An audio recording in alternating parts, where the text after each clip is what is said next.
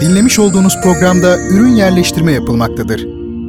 Bertan Rona ile Duyuşlar Müzik, sanat, edebiyat, dil, kültür ve hayat üzerine duymak istediğiniz her şey bu programda. Bertan Rona ile Duyuşlar her çarşamba saat 22'de Samsun'un Gerçek Radyosu'nda. Bertan Rona ile Duyuşlar başlıyor. Efendim merhabalar. Duyuşlar programından hepinize kucak dolusu sevgiler. Bugün 26 Mayıs 2021 Çarşamba.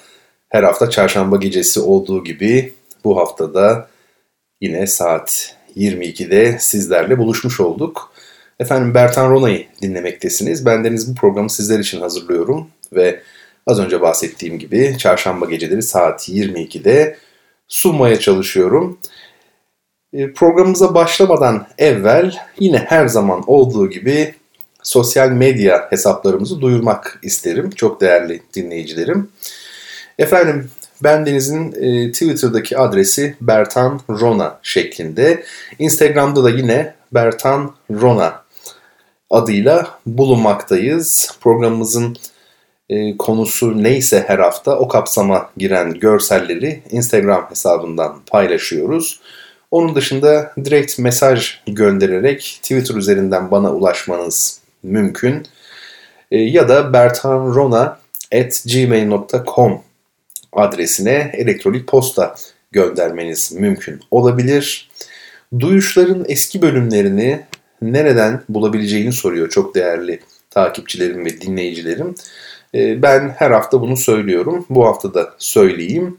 E, SoundCloud'da Duyuşların bütün bölümleri yer almakta. Onun dışında Spotify'da hatta artık YouTube'da da Duyuşların eski bölümleri bulunuyor. Oralardan, o mecralardan bizleri takip edebilirsiniz. Acaba unuttuğum bir şey var mı diye düşünüyorum. Varsa ve tabii aklıma gelirse ilerleyen dakikalarda yine sizlerle paylaşırım tabii ki. Efendim e, bu gece sizlere bir kitap tanıtmak istiyorum. Bu kitap Reşat Ekrem Koçu'nun Tarihimizde Garip Vakalar adlı kitabı. Ee, şimdi öncelikle şunu söyleyeyim. E, bu kitabın görselini, görsellerini Instagram'da bulabilirsiniz. Oraya yükledim sizler için. E, şimdi kitabın arka kapağında yazanları size okuyacağım. Daha sonra Reşat Ekrem Koçu ile ilgili e, kitabın girişindeki bilgilere bir göz atacağız. Ve nihayet kitabın içindekiler kısmına bakıp oradaki e, kısa parçaların adlarını e, okuyacağım sizlere. Sonra da bir iki tane örnek okumak istiyorum. Bu kitaptaki e, yazılar gerçekten de tarihimizde gerçekleşmiş garip e, olayları anlatıyor. Yer yer e, korku unsuru da içerdiğini söyleyebileceğimiz olaylar bunlar. Yani bazılarında böyle tuhaf bir karanlık atmosfer var. Bizde pek korku edebiyatı yoktur. Bizim kültürümüzden, dinimizin yapısından kaynaklanır. Yani bir Avrupa'ya ya da Amerika'ya kıyaslarsanız ne demek istediğimi çok rahatlıkla anlayabilirsiniz. Ee, onlarda biliyorsunuz e, korku edebiyatı, hortlaklar, periler, perili köşkler değil mi? Yok cadı bayramları falan filan. Yani ciddi bir külliyat var. E, bu tabii o kültürün yapısıyla ve geçmişiyle de ilgili ama bu başka bir konu tabii şu an bundan bahsetmeyeceğiz. Biz e, Reşat Ekrem Koçu üzerinde duracağız ve e, tarihimizde garip vakalar kitabı üzerinde duracağız. E, ben bu tür olaylara çok meraklı biriyim. Belki gündemden kaçmanın bir yolu bu. Eskiden beri hiç gündemde olamadım, gündemin içinde olamadım ama bu hani işte efendim medyada ya da işte efendim siyaset kurumunda e, karşımıza çıkan yaşadığımız gündem anlamında söylemiyorum yalnızca. E, belli özellikleri olan çocuklar biliyorsunuz. Mesela arkadaş çevresinde de pek uyum sağlayamayabiliyorlar. Onların bir hayal dünyası oluyor. Bazıları yazar oluyor mesela. Değil mi? Böyle fantastik öyküler kuruluyorlar. Ben bu tip öykülere gerçekten ilgi duydum her zaman. Ee, yine radyo gerçekte yaptığımız ama son aylarda devam edemediğim, yoğunluktan dolayı devam edemediğim ama devam etmeyi hep düşündüğüm geçmiş zaman olur ki programında da ilginç e, hadiselere yer vermişimdir her zaman. İlginç kişilere, ilginç olaylara. Yani bu alan benim ilgimi çeken bir alan gerçekten. Ve tabii Reşat Ekrem Koçu'nun e, kitabının bu kitabının yani tarihimizde garip vakalar kitabının benim kitaplığımda bulunuyor olması da tesadüf değil tabii bunu gösteriyor. Şimdi kitabın arkasında şöyle yazıyor. Doğan kitaptan çıkmış bu çalışma.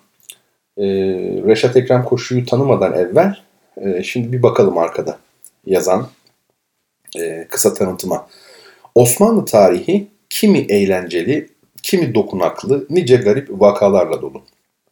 Dal kavukların hayli ayrıntılı fiyat tarifesinden maymun fuhşa alet olur diye biçare hayvanları astırarak idam ettiren maymunkeş Abdülkerim Efendi'ye, Kaşıkçı elmasından Bahriyelilerin maaşlarının gemi enkazı olarak ödenmesine, başına içi saman, talaş, hasır parçaları veya ziftli paçavra dolu bir kap koyup tutuşturarak padişaha ateş istidası veren dertlilerden devlet memurlarının yazlık evlerine gidiş tarihlerini düzenleyen yalıya çıkma nizamına, mezarında başı kesilen şehzadeye varıncaya kadar pek çok garip vaka. Reşat Ekrem Koçu'nun bilgilendirirken eğlendirmeyi de ihmal etmeyen usta kaleminden. Evet, e, bunun dışında yine arka kapakta Selim İleri'nin ve Orhan Pamuk'un değerlendirmeleri var. Oldukça kısa değerlendirmeler bunlar. Selim İleri şöyle demiş. Uzun yıllar öncesine dönüyorum ve Murat Reis'in oğlunu okumaya başlıyorum. Büyük bir hayranlıkla okuduğum bu roman uçsuz bucaksız denizlerden geçip giderek bana Osmanlı tarihini sevdiriyor. Yazarı Reşat Ekrem Koçu Osmanlı tarihini bugün de yaşatan mucizevi, görkemli bir yazar. Reşat Ekrem'in eşsiz eseriyle dostluğum artık hep sürecek. Herhalde ölünceye kadar. Orhan Pamuk ise şöyle söylemiş. 20. yüzyılın başında şehrin hüzünle yaraladığı ve şehrin hüzünlü ama tamamlanmamış bir imgesini yaratan o özel ruhlardan biridir Reşat Ekrem Koçu. Evet sevgili dinleyenlerim Reşat Ekrem Koçu'yu biraz daha yakından tanıyalım. Her defasında Reşat Ekrem Koçu diyorum ama Koşu gibi çıkıyor. Tabii ki öyle değil. Reşat Ekrem Koşu. Koçu. Yine öyle oldu değil mi? Enteresan. Şöyle bir e, kitabın hemen ilk sayfasındaki e, tanıtıma bakalım. Kimmiş Reşat Ekrem Koçu? 1905 yılında İstanbul'da doğdu. Babası Ekrem Reşat Bey İstanbul Şehremaneti yani İstanbul Belediyesi muhasebecilerinden Abdullah Reşat Bey ile Osman Paşa kızı Melek Hanım'ın oğluydu. 1921'de Bursa Lisesi'ni bitiren Koçu 1931'de İstanbul Darülfünunu Edebiyat Fakültesi Tarih bölümünden mezun oldu. Burada yaşamı ve eserleri üzerinde önemli etkiye sahip olan Ahmet Refik Altınay'ın önce öğrenciliğinde sonra da asistanlığında bulundu. 1933'te meşhur üniversite reformu birçok öğretim üyesiyle birlikte Altınay'ı da tasfiye edince hocasıyla birlikte üniversiteden ayrıldı. Emekliliğine kadar Kuleli Askeri, Pertevniyal ve Vefa liselerinde tarih öğretmenliği yaptı. 6 Temmuz 1975'te İstanbul'da öldü. Reşat Ekrem Koçu birçok kitap ve henüz kapsamlı bir dökümü dahi çıkarılmamış olan yüzlerce makale yazdı. Bunlar arasında hemen akla gelenler Kızlar Ağası'nın Piçi 1933, Hatice Sultan ve Ressam Melling 1934, Eski İstanbul'da Meyhaneler ve Meyhane Köçekleri 1947, Tarihimizde Garip Vakalar 1952, Osmanlı Padişahları 1960, Erkek Kızlar 1962, Dağ Padişahları 1962, Esirci Başı 1962, Forsa Halil 1962, Yeniçeriler 1964, Osmanlı tarihinin panoraması 1964, Fatih Sultan Mehmet 1965, Patrona Halil 1967 ve Kabakçı Mustafa'dır 1968. Ayrıca son derece özgün bir çalışma olan Türk Giyim Kuşam ve Süslenme Sözlüğü'nün de yazarıdır. Bütün bu eserlerin yanı sıra Koçu genellikle büyük bir yayıncılık ve yazarlık macerası olarak anlatılan İstanbul Ansiklopedisi ile özdeşleştirilir. Büyük kısmını bizzat ve bazen de takma isimler alarak yazdığı, resimlediği, kaynak bulduğu bu baş eserini bitirmesi maalesef mümkün olmamış. Ansiklopedi G harfinin ortalarında maddi yetersizlikler nedeniyle durmuştur. Koçu'nun Türk tarih yazımındaki yeri çok önemlidir Tarihi sevdiren adam olarak anılan hocası Ahmet Refik Altınay'ın yolundan gitti, o yolu genişletti, olağanüstü ayrıntıları yakalayan dikkat ve titizliğiyle büyük bir hikaye etme başarısı elde etti.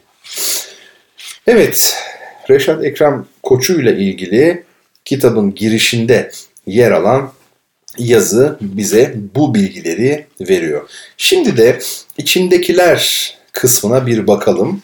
Yani bu kitabı oluşturan kısa yazılar, e, tarihimizdeki garip vakaları bize anlatan, e, tanıtan, bildiren kısa yazılar hangi başlıkları acaba taşıyorlar? Bir bakalım.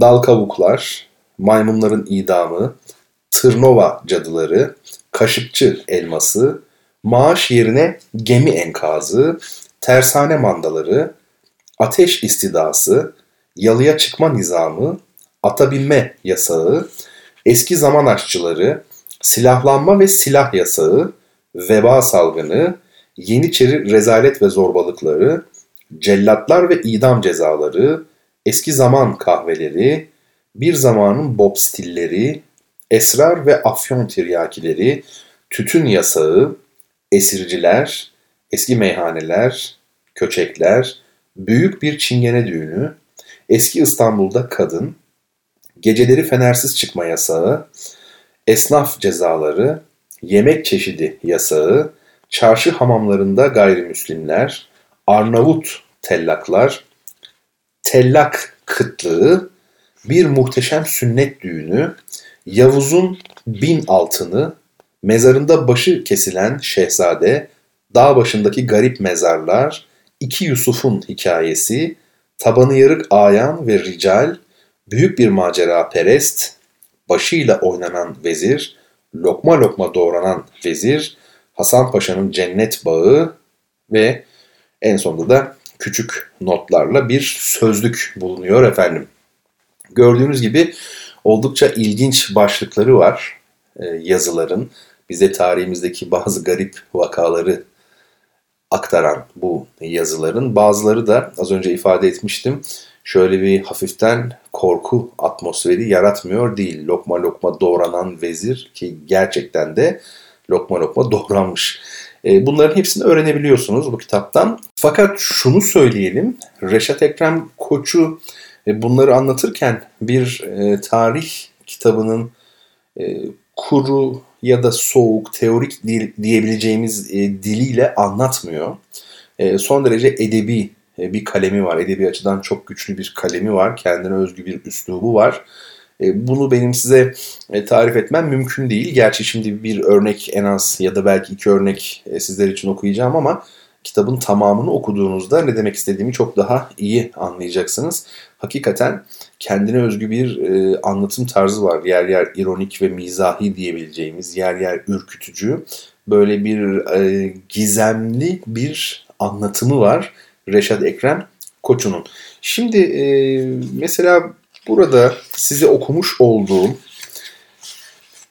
anlatılardan, kısa metinlerden e, Tırnova cadılarını bir yani tabii e, okumuş olduğum derken başlığını okumuş olduğum, adını okumuş olduğum bu kısa metinlerden Tırnova cadılarını bir tamamen okuyayım. E, bakalım e, bu söylediğim e, atmosfere girecek misiniz? Efendim Reşat Ekrem Koçu şöyle anlatıyor. Cadıya, gulyabaniye, hortlağa inananlar dünyanın her tarafında her zaman bulunur. Hüseyin Rahmi merhum bu korkunç mevzuu mizah edebiyatımıza mal etmişti. Zamanımızda da gazeteler perili, cinli evlerden, geceleyin taşlanan pencerelerden bahsederler. Arası çok geçmez bu cinlerle perilerin huysuz ve geçimsiz komşular ve bir takım külhani serseriler olduğunu öğreniriz. Tarihimizde garip vakalara ve pek tuhaf ve hatta tüyler ürpertici batıl itikatlara rastlanır. Bakınız Bulgaristan'ın Türk idaresinde bulunduğu zamanlarda Tırnova kadısı Ahmet Şükrü Efendi hükümet merkezine gönderdiği resmi yazıda neler anlatıyor? Bu mektup Hicri 19 Rebiülevvel 1249 yani miladi 1833 tarihli olup devletin resmi gazetesi olan Takvimi Vekai'nin 68. nüshasında neşredilmiştir. Bugünkü yazı dilimize çevirerek okuyalım. Tırnova'da cadı türedi. Gün battıktan sonra evlere musallat olmaya başladı. Zahireye dair un, yağ, bal gibi şeyleri birbirine katar ve kah içlerine toprak karıştırır. Yüklüklerde bulduğu yastık, yorgan, şilte ve bokçaları didikler, açar, dağıtır. İnsanların üzerine taş, toprak, çanak ve çömlek atar. Hiç kimse bir şey göremez. Birkaç erkek ve kadının da üzerine saldırmış. Bunlar çağrıldı, soruldu. Üstümüze sanki bir manda çökmüş sandık dediler. Bu yüzden iki mahalle halkı evlerini bırakıp başka tarafa kaçtılar. Kasaba halkı bunların cadı denilen habis ruhların eseri olduğunda ittifak etti. İslimye kasabasında cadıcılıkla tanınmış Nikola ismindeki adam Tırnova'ya getirildi ve 800 kuruşa pazarlık edildi. Bu adamın elinde resimli bir tahta vardı. Mezarlığa gider, tahtayı parmağının üzerinde çevirir, resmi hangi mezara bakarsa cadı o mezardaki ruhi habis imiş. Büyük bir kalabalıkla mezarlığa gidildi. Resimli tahtayı parmağında çevirmeye başlayınca resim sağlıklarında Yeniçeri Ocağı'nın kanlı zorbalarından olan Tetikoğlu Ali Alemdar ile Abdi Alemdar denilen iki şakinin mezarlarına karşı durdu. Mezarlar açıldı, cesetleri yarım misli büyümüş, kılları ve tırnakları da üçer dörder parmak uzamış bulundu. Gözlerini kan bürümüş, gayet korkunçtu. Mezarlıktaki bütün kalabalık bunu gördü. Bu adamlar sağlıklarında her türlü fesadı irtikab etmiş, ırza, namusa, mala tecavüz etmiş, adam öldürmüş, ocakları lav edildiği zaman her nasılsa yaşlarına riayet olunarak cellada verilmemiş, ecelleriyle ölmüşlerdi. Sağlıklarında yaptıkları yetmemiş gibi şimdi de halka ruhu habis olarak musallat olmuşlardı. Cadıcı Nikola'nın tarifine göre bu gibi habis ruhları def etmek için cesetlerinin göbeğine birer ağaç kazık çakılır ve yürekleri kaynar suyla haşlanırmış. Ali Alemdar ile Abdi Alemdar'ın cesetleri mezarlarından çıkarıldı. Göbeklerine birer ağaç kazık çakıldı ve yürekleri bir kazan kaynar suyla haşlandı. Fakat hiç tesir etmedi. Cadıcı bu cesetleri yakmak lazım dedi. Bu hususta şerran da izin verilebileceğinden ruhsat verildi. Ve iki Yeniçerinin mezarlarından çıkarılan cesetleri mezarlıkta yakıldı ve çok şükür kasabamız da cadı şerrinden kurtuldu. Evet, çok değerli dinleyenlerim bu duyduğunuz mektup yani e, hemen adını söyleyeyim size. Tırnova Kadısı Ahmet Şükrü Efendi tarafından yazılmış olan bu mektup şaka değil, devletin Osmanlı'nın resmi gazetesinde yayınlanıyor. 19 Rebiülevvel 1249'da yani 1833 yılında. Resmi gazetede yayınlanmış bu mektup. Mektubu yazan da işin tuhaf tarafı böyle yalan atacak biri değil. Yani Ahmet Şükrü Efendi bu adam kadı, Osmanlı kadısı. Yani çok üst düzey bir devlet görevlisi. E, mektubunu aynen almış Reşat Ekrem Koçu ben de bu hikayenin bu metnin içerisinde olduğu haliyle sizlere okudum. Gördüğünüz gibi oldukça ürkütücü bu hikaye. Ee, zannediyorum Koçu'nun üslubuyla ilgili olarak ironik, yer yer böyle mecazi, göndermeli derken e, neyi kastettiğim daha iyi anlaşılmıştır. Çünkü hikayatının başında e, batıl itikat olarak bahsediyor. Ruhlardan, efendime söyleyeyim perilerden. Yani günümüzde ne yazık ki diyor bunu e, iddia eden pek çok insan bulunmaktadır. Ama diyor bu perili evlerin falan e, detaylı bir şekilde incelenmesi bize gösterir ki aslında bunlar e, cinler periler değilmiş de kimmiş? Oradaki şakacı gençlermiş mesela. Bu şekilde bir giriş yapıyor. Fakat sonradan öyküyü doğrudan e, Tırnova Kadısı Ahmet Şükrü Efendi'nin ağzından anlatılarak hiçbir yorum yapmadan bitiriyor metni. Yani sonra size bırakmış oluyor değil mi? E, acaba bu gerçek mi değil mi? Bakın hiçbir şey söylemedi en sonunda. Öyle değil mi? Bizi onunla baş başa bırak. İşte böyle tuhaf bir lezzeti var. Çok ama çok güzel gerçekten. E, tavsiye ederim size. E, şimdi bir başka kısa metnini okuyalım. Mesela maymunların idamı var. Eski yelken ve kürek devri gemiciliğinde her gemide birkaç tane talimli maymun bulunurdu. Bunlar açık denizde gemilerin direklerinin ta tepesine tırmanarak korsan gözcülüğü yaparlardı. Gayet keskin olan gözleriyle ufukta bir gemi gördükleri zaman bağırarak haber verirler. Gemiciler de bir korsan cengine hazır bulunurlardı. İstanbul'un yelken, halat, makara, kürek, zift, varil, lenger, hülasa bütün gemi teçhizat ve levazımının satıldığı yer Galata'da iki köprü başı arasındaki sahaydı. Gazi Köprüsü başında Sokullu Mehmet Paşa Camii yani Azap Kapısı Camii civarında da bir sıra maymuncu dükkanları vardı. Tersane gemileri ve sair tüccar gemileri için talimli maymunlar burada satılırdı.